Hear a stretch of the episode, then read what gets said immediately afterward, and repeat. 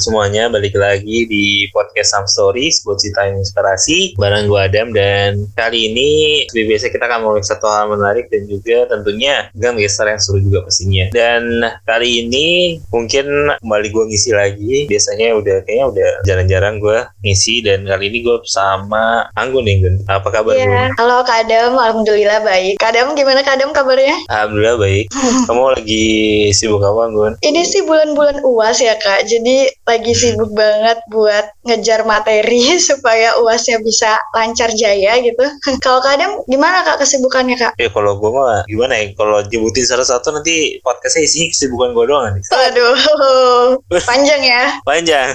Panjang. Jadi ya biasa kalau semua divisi kemudian kita kan beberapa kali ada event juga entah itu malam ini aja rekor tuh masih ada event internal sebenarnya jadi Iya betul. ya, terus habis itu eksternal juga ada kemarin kita beberapa waktu yang lalu dan ya beberapa saat lagi juga bakal hektik untuk ngurusin oprek lagi ya gitu gak terasa ya, gitu ya. mau enam bulan ya misalnya waktu cepet banget ya itu Gak tahu udah mau akhir tahun iya udah mau akhir tahun lagi ganti tahun dan gue lagi coba nyiapin sesuatu hal yang oke lah di akhir tahun ini untuk nutup tahun ini gitu ya sebetulnya gitu dan ya kayaknya sih kalau podcast ini tayang udah berjalan ya apa hal yang kita siapin itu ya gitu untuk some story di akhir tahun ini sih sebenarnya Nah, tapi teman-teman, sebelum kita ngobrol episode kali ini, kalau teman-teman pengen berpodcast juga nih kayak kita, teman-teman bisa banget pakai aplikasi yang namanya Spotify for Podcaster. Aplikasi yang kita gunain buat kasih tahu ke teman-teman kalau misalnya bikin dan publish show ini itu bikinnya gampang banget dan 100% gratis. Selain gampang banget digunain, semua yang kita perluin untuk bikin podcast juga ada di dalam Spotify for Podcaster, termasuk ke distribusi Spotify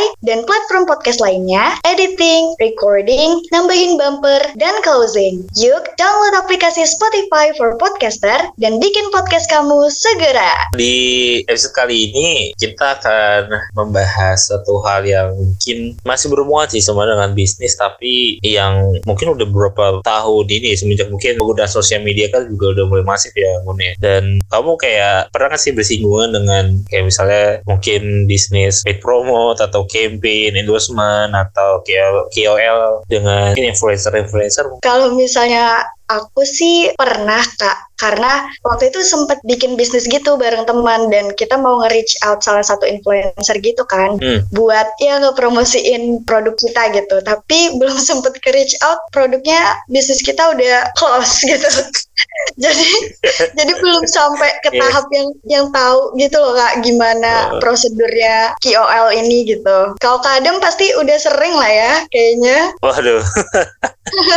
Sebenarnya kalau dibilang sering sih ya lumayan sih sebenarnya semenjak apalagi gue semenjak mungkin uh, podcast dan sering banget berhubungan dengan CP-CP ya. Kontak person kontak person. Biasanya kan kalau misalnya kita nggak reach out langsung gitu ya dan kita tahu di bio-nya itu ada biasanya ada tulisan business inquiry ya. Atau business INC biasanya gitu kan. Biasanya kayak gitu atau CP titik dua nah itu biasanya kayak gitu-gitu kan tuh. Atau bahkan kadang influencer tuh suka naruh si di bio-nya tuh ya di manajemennya apa gitu loh biasanya ya kan. Lumayannya struggle-nya sebenarnya kalau di ini pengalamannya kadang ketemu sama CP yang enak gitu yang baik ada juga yang kayak kalau misalnya hubungin langsung kayak ditodong red card langsung. nggak ada kayak baca dulu gitu ini temanya apa? gitu. Saya tahu kayak ini temanya tentang judi gitu kan kan kayak gitu. Sedangkan dia harusnya sebenarnya baca dulu gitu. Langsung jangan langsung Iya. ditodong aja gitu kan gitu. Ya kayak gitu gitu kan maksud gue pengalaman pengalaman yang kalau misalnya kita udah ketemu sama CP CP manajemen manajemen gitu ya nggak semuanya oke. Tapi kalau kamu sendiri kayak ngelihat bisnis ini tuh peluangnya gimana sih? Dan kayak kamu sendiri akan satu saat mau terjun di bisnis ini atau entah itu sebagai talent atau sebagai pelaku bisnisnya atau gimana kira-kira peluangnya Kalau dari perspektif aku jujur ini tuh adalah salah satu jembatan bisnis yang sangat ini sih kak yang bisa banget bikin kita buat buat lebih bisa meraih kesuksesan gitu. Jadi melalui ini ini tuh adalah Iya. kesempatan besar yang nantinya tuh bisa banget kita manfaatin sebaik mungkin gitu kak. Dan kalau misalnya buat rencana ya mungkin ada tapi aku kayaknya tipikal tipikal orang yang di balik layar aja. Tapi kalau misalnya rezekinya buat jadi content creator juga nggak apa-apa, disyukuri kalau misalnya suatu saat nanti gitu. Tapi yang jelas aku tahu kalau dunia ini tuh bisa banget membawa sesuatu yang luar biasa buat kita ke depannya. Kalau dari Kak Adam, perspektifnya gimana nih? Iya, sebenarnya kalau perspektif aku sih peluangnya sih cukup oke, apalagi mungkin ya tadi aku bilang sih sebenarnya karena ada penggunaan sosial media masif saat ini ya Hmm. mungkin apa pun bahkan sekarang kan lagi masa-masanya mungkin kita record ini udah mulai mulai mulai kampanye terbuka ya jadi itu Hmm. kita juga habis season politik jadi memang dari cara saya pun bilang sosial media itu jadi satu hal yang ketika kita mau reach out mereka untuk cari tahu latar belakang mereka itu jadi satu hal yang mudah banget dengan sosial media ya kan gitu Iya betul. Ya, mungkin itu sih ya pengantar atau apa yang kita bahas mungkin di episode kali ini dan seperti biasa kita akan ngebahas dengan satu guest star dengan siapa nih? Mungkin hari ini Gun. Oke, iya Mbak, bener banget Kak Adam. Kita kali ini nggak berdua aja, teman-teman. Tapi kita udah sama Kak Ipana nih. Halo Kak Ipana. Oh, apa kabar Kak? Ah, Alhamdulillah baik. Seneng nih hari ini gestarnya langsung nanyain kabar. Biasanya kita duluan ya yang nanyain kabar. Nah, Iya. Kak Ipana gimana kabarnya Kak Ipana? Alhamdulillah, tapi kayaknya akhir-akhir ini polusi lagi, wah kacau banget nih. Aku lagi radang, pilek, sehat lagi. Pilek, radang, sehat lagi. Iya bener banget Kak Ivana. Di lingkup sekitar aku juga lagi kayak gitu sih Kak. Lagi musim-musimnya nggak enak badan, meriang gitu-gitu ya. Benar-benar. Nah Kak Ivana lagi sibuk apa Kak sekarang? Aku kebetulan sekarang masih di kampus ya, jam segini. Waduh. Berarti kuliah ya Kak ya? Yes, kuliah. Aku mahasiswi sekarang lagi sibuk di kuliah aja, tugas. Apalagi kakak lagi musim-musim UAS juga kan? Iya, bener banget. Mas ya itu aja sih paling kesibukan aku sama diselingin sama konten-konten aja gitu. Oke, Oh, jadi oke. nyambi ya. Bener, nyambi-nyambi. Iya, tapi buat aku apa itu UAS ya? Iya, nggak ada Eh, apa itu UAS ya. Apa ya? Iya, tapi kangen juga sih masa-masa kritis saat UAS ya gitu. Jadi kan kayak pasti banyak tuh di sekitar kita yang kayak belajar SKS ya. Aduh, aku banget lagi tuh sistem kebut semalam. Iya. Iya, duain. Deadliners lagi. Soalnya kalau udah nyiapin-nyiapin kayak gimana gitu, kalau dari jauh-jauh hari takutnya pasti ujung-ujungnya lupa. Bener, Kayak aku antara SKS sama SKP sih. SKP apalagi tuh? Sistem kebut pagi-paginya. Waduh. Wah, mepet banget ya. Oke lah, mungkin tadi kan kita tahu ya mungkin kesibukan kamu tadi udah di spill juga selain kuliah mungkin jadi content creator gitu. Berarti konten apa yang kamu buat dan kamu fokusnya di mana sih di sosial media yang mana gitu? Kalau soal sosial media yang mana kak, dulu itu kan aku sempat berkecimpung di YouTube juga. Tapi mungkin Hmm. sekarang emang udah berganti zaman, jadi kayak aku YouTube sempat stop gitu kan. Sampai sekarang sih sebetulnya. Tapi kayak dulu untuk YouTube aku itu kontennya lebih ke lifestyle sih. Tapi Oh, eh, aku masukin kayak ada mukbang-mukbangnya, ada aku Hmm. menceritakan kayak contohnya paranormal experience, atau aku misalnya lagi ke mana nih liburan, vacation, aku vlog gitu. Jadi jatuhnya lebih ke lifestyle sih. oh oke. Itu berarti kamu mulai YouTube berarti tahun berapa? Oh my god, Oh. aku SD mulai YouTube 2014 kayaknya. Waduh, Aku SD. 2014 SD, kakak 2014 udah. aku SMA kelas ditanya tahun berarti SMA kelas 1 sama kelas 2 awal lah. Oh iya, jauh Jauh ya? jauh, jauh. tapi aku aja tuh SD tuh gak kepikiran bikin konten sih mu SD pikiran bikin konten waktu itu Ya keren banget. awalnya itu kan lucu-lucuan ya di sekolah tuh Ah. suka banget yang namanya main squishy, main slime. Ya kan kakak tahu kan zaman-zaman itu. Zaman-zamannya ya. Ria Ricis ya Ya bener, tapi sebelum ada Ria Ricis, aku udah mulai konten sama teman-teman Oh. aku yang sepantaran youtuber kids, youtuber kids gitu.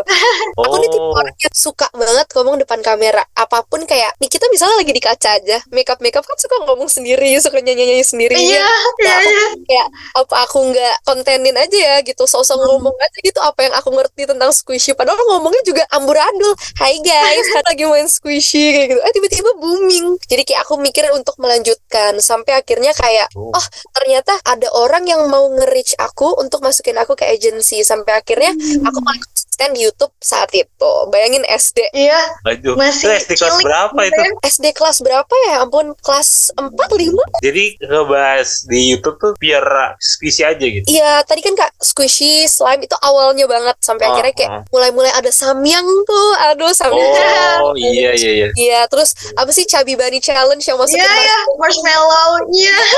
Terus apalagi ya Kak main-main Rainbow Loom tuh. Oh iya. Bikin aku bikin-bikin gelang gitu sampai akhirnya katanya kalau main Rainbow Loom jangan bisa kena Nanti- kulit. Iya, iya, betul. Ya, Kayak kanker lah gitu-gitu. Zaman-zamannya tuh YouTuber tuh masih kayak Skinny Indonesian 24, tim tua. Oh iya, benar. Aduh, benar. Bener Zed, banget. banget sih. Bener banget. Aduh, itu youtuber youtuber legend ada ada yang pensiun, ada yang udah jarang upload ya kan? Udah pada berkeluarga sih ya Kak rata-rata yang aku lihat ya. Enggak juga sih kalau kayaknya juga kalau ini 24 Emang cuma pensiun aja. Cuman mereka masih ada di mereka di narasi sekarang kan kalau di ini itu. Oh iya. Hmm, dan mereka masih ya masih belum keluarga kayak baru masih tuan tunangan tunangan aja sih. Ya, sama Candario juga sama. Ada beberapa sih kayak Beberapa ada ya. udah anak kayak Oh iya, benar. Edozel udah pada punya Edozel anak. kan. ya benar. Lucu banget. Raditya Dika ya pasti belum punya anak. beberapa ada yang punya anak ya tapi yang termasuk yang legend dan masih aktif sampai sekarang konten ya Raditya Dika sih yang lainnya kayak udah kayaknya kalau Candario kayak nunggu setahun sekali gak sih nungguin rewind benar-benar Hmm. itu udah langsung ngumpul semua. Udah bener Iya, betul. nungguin Kita tunggu aja ya nanti berarti Oh iya rewind pasti. pasti 2023. Harus Iya. itu itu itu seru banget sih dan memang kan dia konsisten kayaknya dari tahun berapa? 2021 ya megang itu ya kayak ini pegang apa Iya. 2020 lupa. Jadi kamu emang istilahnya emang di- termasuk orang yang berkecimpung di YouTube juga dulu ya cukup aktif juga. Tapi kenapa berhenti? Atau rasa kayak bingung mau bikin apa lagi di YouTube? Atau trennya atau kesibukannya nggak dapet? Sebenarnya dulu aku mikir itu kalau YouTube aku tuh bukan prioritas utama kak. Jadi kayak Hmm. sekolah tuh prioritas aku banget. Sampai akhirnya kayak aku masuk ke SMP kelas 3 itu udah mulai yang kayak, wih bimbel. Wah itu itu bener-bener yang udah, oh itu udah udah ngerasa dunia tuh aku paling sibuk gitu. Sampai akhirnya kayak, aduh YouTube kak makin gak ke handle ya kayak gitu. Sampai akhirnya Hmm. makin gak ke handle makin gak ke handle, eh ke stop sendiri gitu. kenapa kamu nggak nge-hire tim biasanya kan kalau udah apalagi udah lagi naik banget jaga trennya langsung nge-hire tim minimal kayak ada kreatif sama editor videonya kan Nah iya kak, aku juga dibilang sama teman-teman tuh kenapa sih If nggak kayak gini, kenapa sih If nggak kayak gini. Nah itu dia balik lagi ke sebelumnya kalau misalnya di situ tuh posisinya YouTube tuh bukan prioritas aku, jadi aku mikirnya Oh. ah udahlah nanti kapan-kapan lagi bisa ngonten lagi. gitu.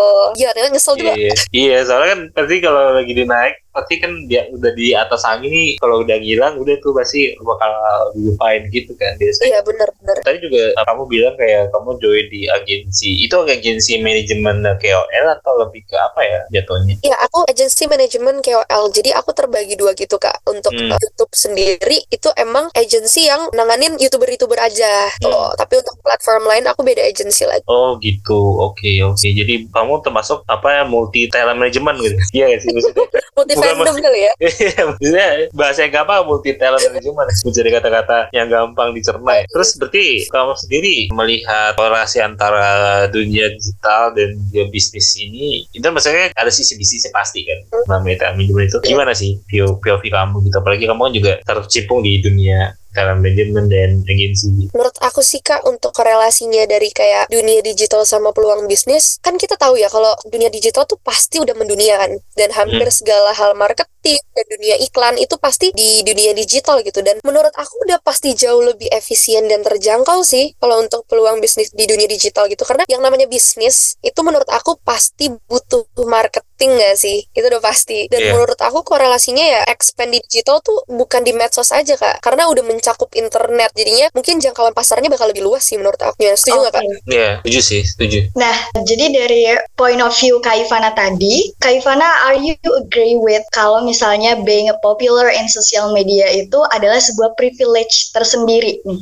yang bisa menemukan peluang bisnis, Kak? privilege tersendiri. Menurut aku kayaknya jawabannya bukan agree atau enggak ya, karena pasti banyak kemungkinan dan depends on masing-masing orang itu sendiri mau buka peluang bisnisnya dari mana gitu. Oke, Hmm. coba kita ambil contoh dulu. Misalnya aku I do agree sama bisa buka peluang bisnis untuk popular people on social Hmm. media gitu. Tapi Iya. mungkin dari sisi apa dulu? gitu. Kalau dari sisi marketing mungkin bisa dari collaboration, sponsorship Hmm. gitu yang masuk ke dalam dunia digital itu. Kalau misalnya peluang bisnis dari luar mau marketingin di situ gitu ya. Tapi Hmm. nggak menutup kemungkinan juga sih untuk orang yang istilahnya unpopular gitu ya. Hmm. Mhm. itu bisnisnya peluang bisnisnya lebih kecil daripada yang popular on social media karena kayak banyak banget nggak sih kak bisnis di luar sana yang tanpa sosmed tanpa marketing di dalam dunia digital ini itu emang udah boom dari awalnya tapi Iya, mungkin betul. adanya sosmed makin adanya TikTok lah platform-platform lain itu jadi lebih besar lagi gitu tapi kalau tentang privilege tersendiri ya mungkin kalau misalnya kakak mau buat startup atau usaha menurut aku kalau kita Mhm. punya platform sendiri yang emang udah populer kita nggak perlu bayar lagi nggak sih untuk bayar influencer lain atau misalnya untuk masukin ke ini nih ke KOL ini Hmm. KOL ini untuk promosiin itu karena kita udah punya platform sendiri yang populer jadi kayak ya udahlah gue post aja di platform gue sendiri gitu Iya, berarti itu depends on kitanya sendiri juga ya kak. dari peluang bisnisnya dari mana juga gitu. kayak sebenarnya banyak yang masih pasti banyak yang awam juga sih KOL terus juga kadang ada juga influencer kemudian ada kata-kata soal brand ambassador gitu sebenarnya bedanya apa sih gitu dengan itu gitu maksudnya fokusnya apa yang membuat mereka tuh beda gitu mungkin see, itu sih see. Heeh. Sekarang kalau bahas KOL sama influencer ya kak, pasti orang Iya. mikirnya, uh KOL tuh udah pasti ini nih selebgram gitu, udah pasti Iya. orang followersnya banyak gitu. Tapi kalau menurut aku KOL itu tuh kan key opinion leader ya kak. Kalau misalnya influencer, menurut aku tuh lebih fleksibel. Karena kalau KOL tuh, misalnya nih kita kasih contoh chef KOL sih menurut aku kalau misalnya dari general ya, karena kayak mereka kan udah merancu ke satu keahlian khusus gitu. Hmm. Misalnya mereka jago masak, ya mereka udah termasuk KOL. Cuman kalau misalnya influencer itu menurut aku orang yang bisa nge-persuade orang dalam hal konten mereka atau daya tarik mereka yang bisa bikin kayak wah nih gara-gara nih orang nih gue jadi ke-persuade untuk ngelakuin ini ngelakuin ini menurut aku lebih ke daya tarik sih cuman kalau KOL kayaknya lebih ke merancu ke salah satu keahlian khusus menurut mungkin itu sih kan bedanya ya. Terus aku juga pengen kayak kalau misalnya berarti kan kamu masuknya jatuh itu KL manajemen ya? Berarti itu juga kan tadi Iya. nah itu proses masuknya gimana sih? Pasti kan kalau kamu sih kayaknya di approaching ya. Itu mereka proses approaching dari mulai approaching terus abis itu nanti penentuan red cardnya kemudian proses-proses apa sih yang harus dilalui gitu, untuk dari segi mereka juga pencarian talentnya gitu. Pengen tahu ini kalau dari sih. manajemen ya kak berarti? Dari manajemen aku sendiri? Iya iya mungkin yang ya pengalaman kamu manajemen kamu sendiri sih kalau misalnya soal kerjasama itu kan pasti setiap orang beda-beda ya awalnya dari mana terus nantinya kayak gimana cuman kalau misalnya digaris besarin pastinya yang pertama nanti bakal di approach dulu sama mereka kayak Hmm. ya kamu tuh sebagai apa kayak gitu dan Hmm. kamu tuh bakal konsisten gak segala macam kayak gitu nanti mereka kalau misalnya udah ngasih tahu kayak gitu gue tuh dari manajemen ini kayak gini gini gini gini bakal Hmm. dijelasin sama mereka tuh sistem kerjanya mereka kayak gimana nanti aku bakal nerima kontrak dari mereka itu pertama kali oke gitu. Aku baca dulu kontraknya oke. apakah sesuai dan pasti setiap manajemen itu ada potongan persenannya kak. Kayak misalnya if dapat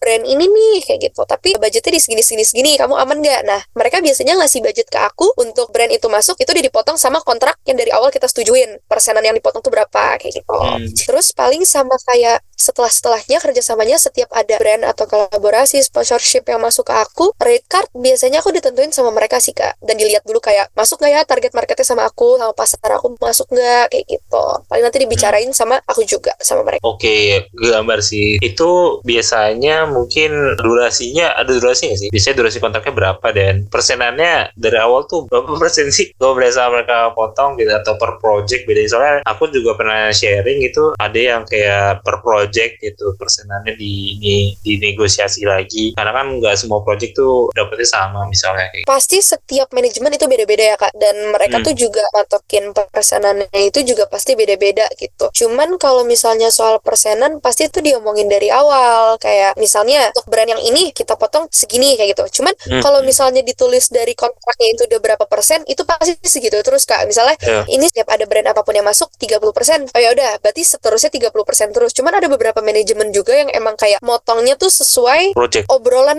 mereka sama brandnya kayak Oh, oke.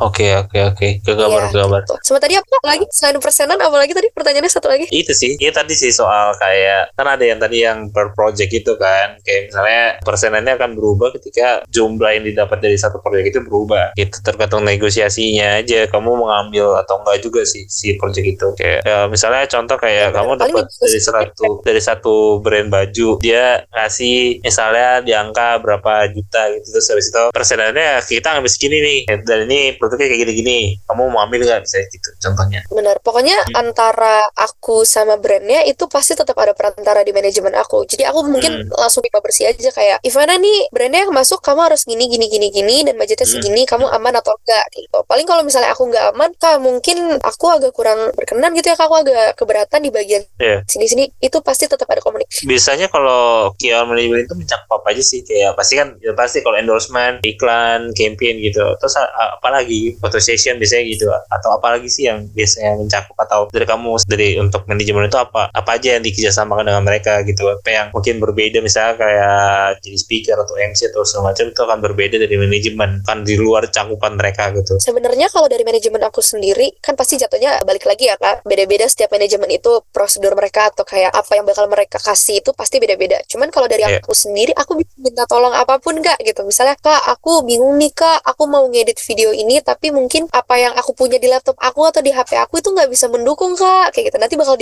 dibantuin sama mereka atau mungkin mereka lebih nge-secure account kita lagi jadi lebih susah dihack gitu misalnya. Terus aku juga misalnya dapat project-project yang sebenarnya biasanya kan kalau orang itu langsung personal aja kan kak individu masing-masing. Cuman ini biasanya tuh ada project yang dikumpulin isinya talent-talent KOL manajemen itu. Jadi Hmm. nanti kita misalnya ke Bandung tapi sebenarnya itu project kak. Tapi kita bareng-bareng itu seru banget sih. Aku sempat dapat kayak gitu. Tadi udah Kak Ivana jelasin ya seberapa skema kerja dari call itu gimana, terus cakupan-cakupannya apa aja, dan bahkan keseruan-keseruan di dalamnya gitu ya. Nah, kalau Kak Ivana sendiri, seberapa penting nih Kak jadinya kehadiran call dalam dunia bisnis? kehadiran call dalam dunia bisnis menurut aku penting banget sih. Kenapa? Karena kayak balik lagi ke jawaban aku yang di awal-awal. Pertanyaan kalau misalnya bisnis itu kan pasti butuh marketing ya. Dan bagaimana cara agar bisnis itu juga bisa disampaikan ke halayak luas dengan berbagai cara-cara yang kreatif yang dibuat Hmm. KOL tersebut itu juga pastinya mendukung banget gitu. Dan jika kalau misalnya milih KOL yang sesuai dengan bisnis tersebut pasti akan dapat jangkauan pasar yang lebih luas sih Kak. Dan pastinya tepat gitu ya. Jadi langsung kena, langsung sampai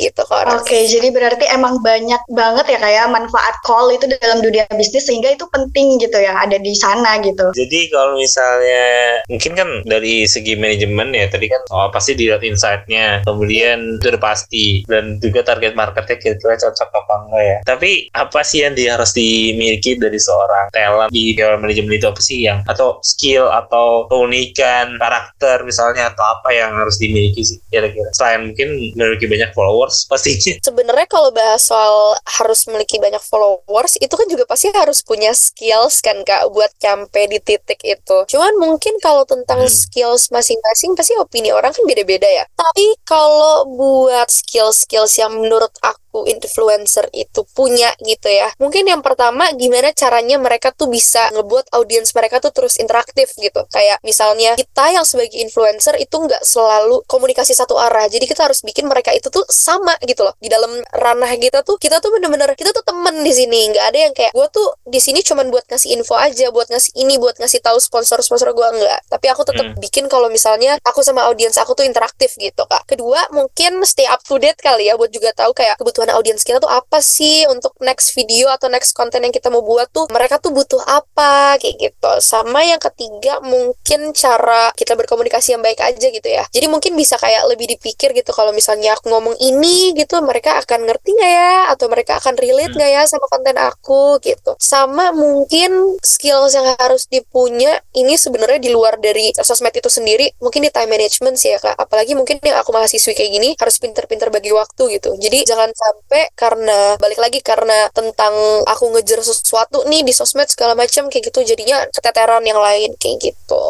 Jadi tadi udah dikasih tahu ya sama Kak Ivana apa aja nih skill-skill yang yang sebaiknya dimiliki nih oleh seorang call. Dan itu kayaknya bisa jadi tips juga ya kayak buat temen-temen pendengar Some Story yang kalau misalnya ada nih keinginan pengen jadi seorang call gitu. Kalau untuk kontennya sendiri nih kak, jenis konten apa kak yang paling efektif buat ngebangun branding nih di dalam sosial media itu? Jenis konten efektif. Kalau menurut aku sih nggak ada ya kak jenis konten yang efektif. Ini menurut Hmm. aku ya karena semua tuh juga tergantung kuat atau enggaknya karakter masing-masing gitu. Jadi kayak Iya. semakas atau semakin kuat karakter KOL tersebut tuh mau gimana pun juga pasti kontennya efektif gitu buat dia sendiri maupun audiensnya gitu. Karena pasar kan juga pasti ngeliatnya orang atau hasil karyanya gitu. Jadi Mm-mm. pasti beda-beda sih. Oke, Cuman berarti- kalau misalnya dia udah bisa tahu kebutuhan audiensnya kayak gimana, pasti kontennya bakal efektif buat pengikut. Oke, berarti depends on kita sendirinya juga ya Kak sebagai seorang call gitu, membawakan konten-konten yang kreatif, inovatif gitu. Jadi nggak nggak hanya bisa menarik audiens, tapi juga bisa bikin konten-konten itu jadi lebih jadi lebih nge-reach out banyak lagi gitu ya Kak. Terus dari segi kamu kan kayak seperti YouTube juga gitu dan untuk menjaga kualitas dari kontennya itu gimana sih? Ada nggak tips buat teman-teman yang mendengarkan kan pasti pengen nih kualitas buat konten yang tetap menarik gitu dan tetap oke gitu dan apakah kita harus selalu cari trennya juga atau kita kadang kan yang paling oke kan kalau misalnya kita bisa jadi yang ngebuat ombaknya gitu ya atau gimana nih kira-kira saran kamu? Berarti ini soal konten ya kita bahas ya. Ya sekarang kita mau bahas Gimana soal nih kontennya gitu. Iya. Menurut aku kalau soal kita ngonten itu pasti kita cari dulu nih awalnya nih kita suka apa sih gitu. Ya, misalnya tadi aku cerita di awal kalau misalnya dulu aku nge-YouTube karena di sekolah aku lagi marak-marak squishy kayak gitu. Jadi Mm. pertama aku cari tahu dulu, oh aku tuh emang anaknya lifestyle banget. Jadi aku nggak bisa nyari satu poin di mana kayak aku harus ngonten ini dan aku terus harus konten itu terus enggak kak. Jadi aku ya emang fleksibel aja. Apa pun yang lagi aku pengen kontenin ya aku kontenin karena emang Hmm. aku suka kan untuk ngobrol dan ngomong gitu di depan kamera. Cuman balik lagi ke orangnya masing-masing. Dia dari awal tuh mau ngonten emang Hmm. untuk tujuannya apa dan dia suka apa, passionnya ada di mana. Dan untuk ke depannya kembangin terus sih kontennya dengan apa yang kalian pilih di awal gitu. Kalian suka apa. Cuman kalau misalnya kalian emang pengen keluar dari ranah konten yang emang awalnya tuh kalian pengen, oh gue harus konten di sini-sini aja nih. Dan gue emang punya kalian khusus di sini. Tapi tiba-tiba kalian mau keluar dari konten itu kalian takut nggak? Jangan, nggak apa-apa. Terus kembangin kontennya apa yang kalian mau buat, Hmm. buat aja. Sama jangan takut ikutin tren. Kalau kalian takut, aduh nanti Oke. bakal ada komentar ini, komentar ini. Komentar apa pun pasti ada. Gimana cara kalian nanggepinnya itu masing-masing kalian sendiri. Terus sama mungkin kadang terlalu idealis juga nggak bagus ya. Jadi ya selagi apa pun kontennya positif dan bermanfaat bagi orang banyak, bikin aja. Yang penting entertaining. baik lagi selalu entertaining yang cari sih ya.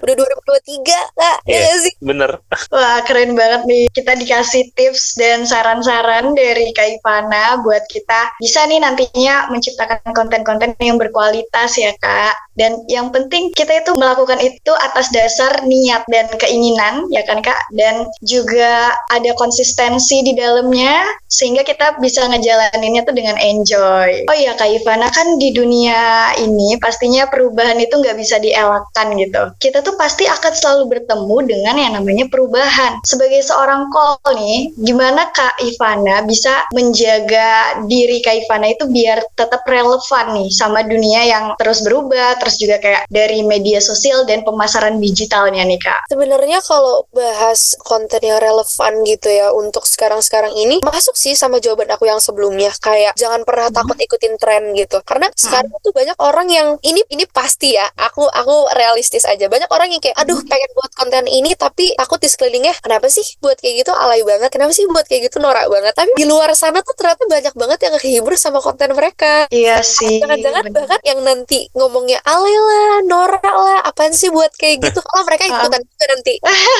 Ya kan, Berarti harus mentalnya itu harus dikuatin ya Kak ya.